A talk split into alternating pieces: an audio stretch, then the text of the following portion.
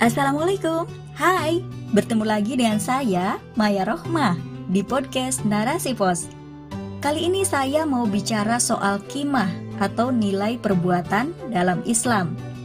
Kenapa sih bicara kimah ini penting? Ya, agar kita tidak salah-salah lagi dalam menempatkan kimah dalam aktivitas kita. Pahami kimah, aktivitas berkah. Simak terus ya di akun podcast Narasi Pos Media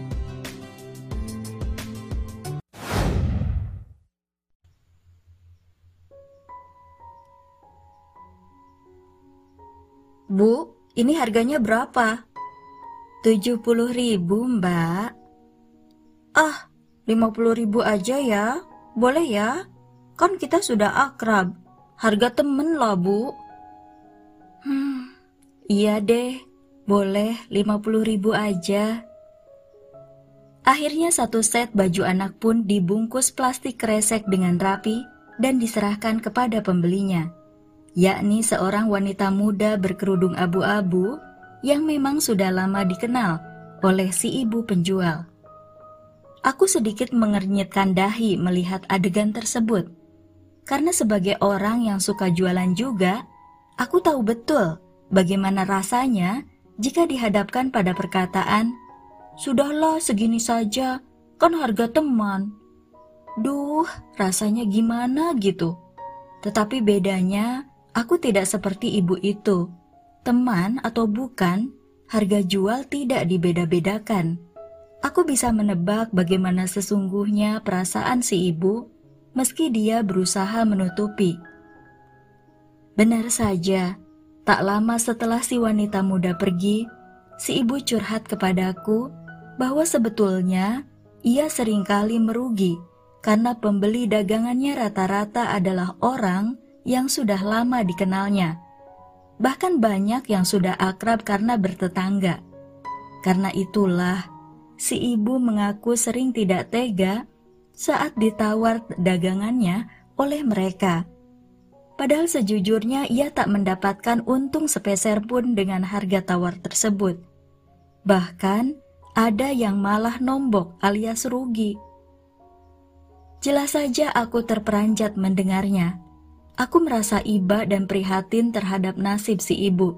Sekaligus, aku juga menyayangkan akan sikapnya yang mencampur adukan kimah dalam berjualan. Sebagai muslim tentu kita harus mampu menempatkan kimah dalam setiap aktivitas kita dengan tepat. Tidak mencampur adukannya karena akan menimbulkan kekacauan.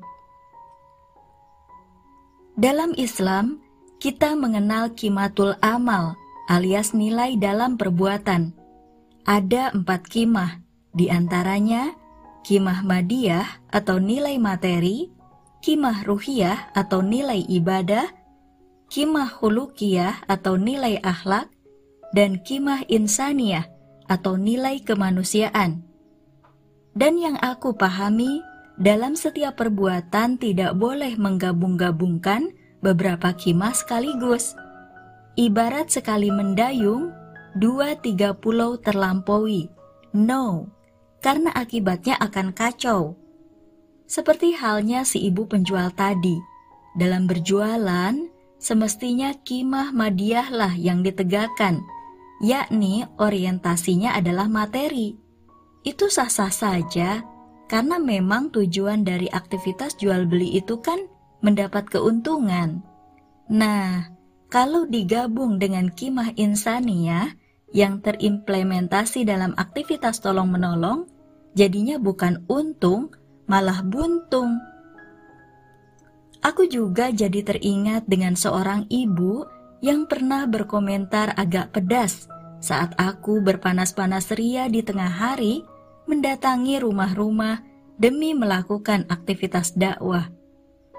Eh, si Eneng mau-maunya ya siang-siang gini nyebarin buletin begitu.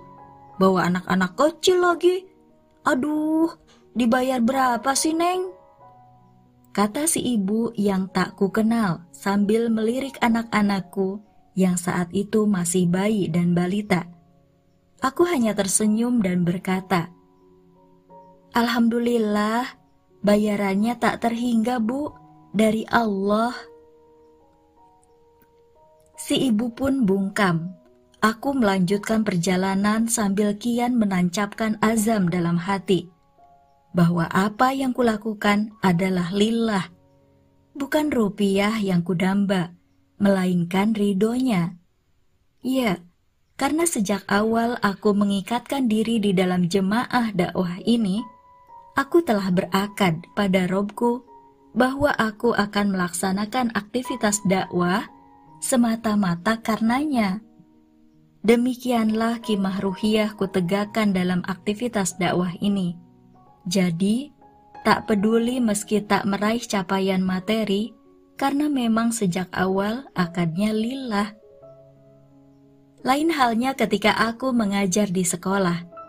Meski mengajar generasi adalah sebuah aktivitas mulia, namun jika sejak awal akadnya adalah ijaroh atau kerja, maka tentu saja yang kutegakkan di dalamnya adalah kimah madiah ada hak menuntut upah atas aktivitas mengajarku.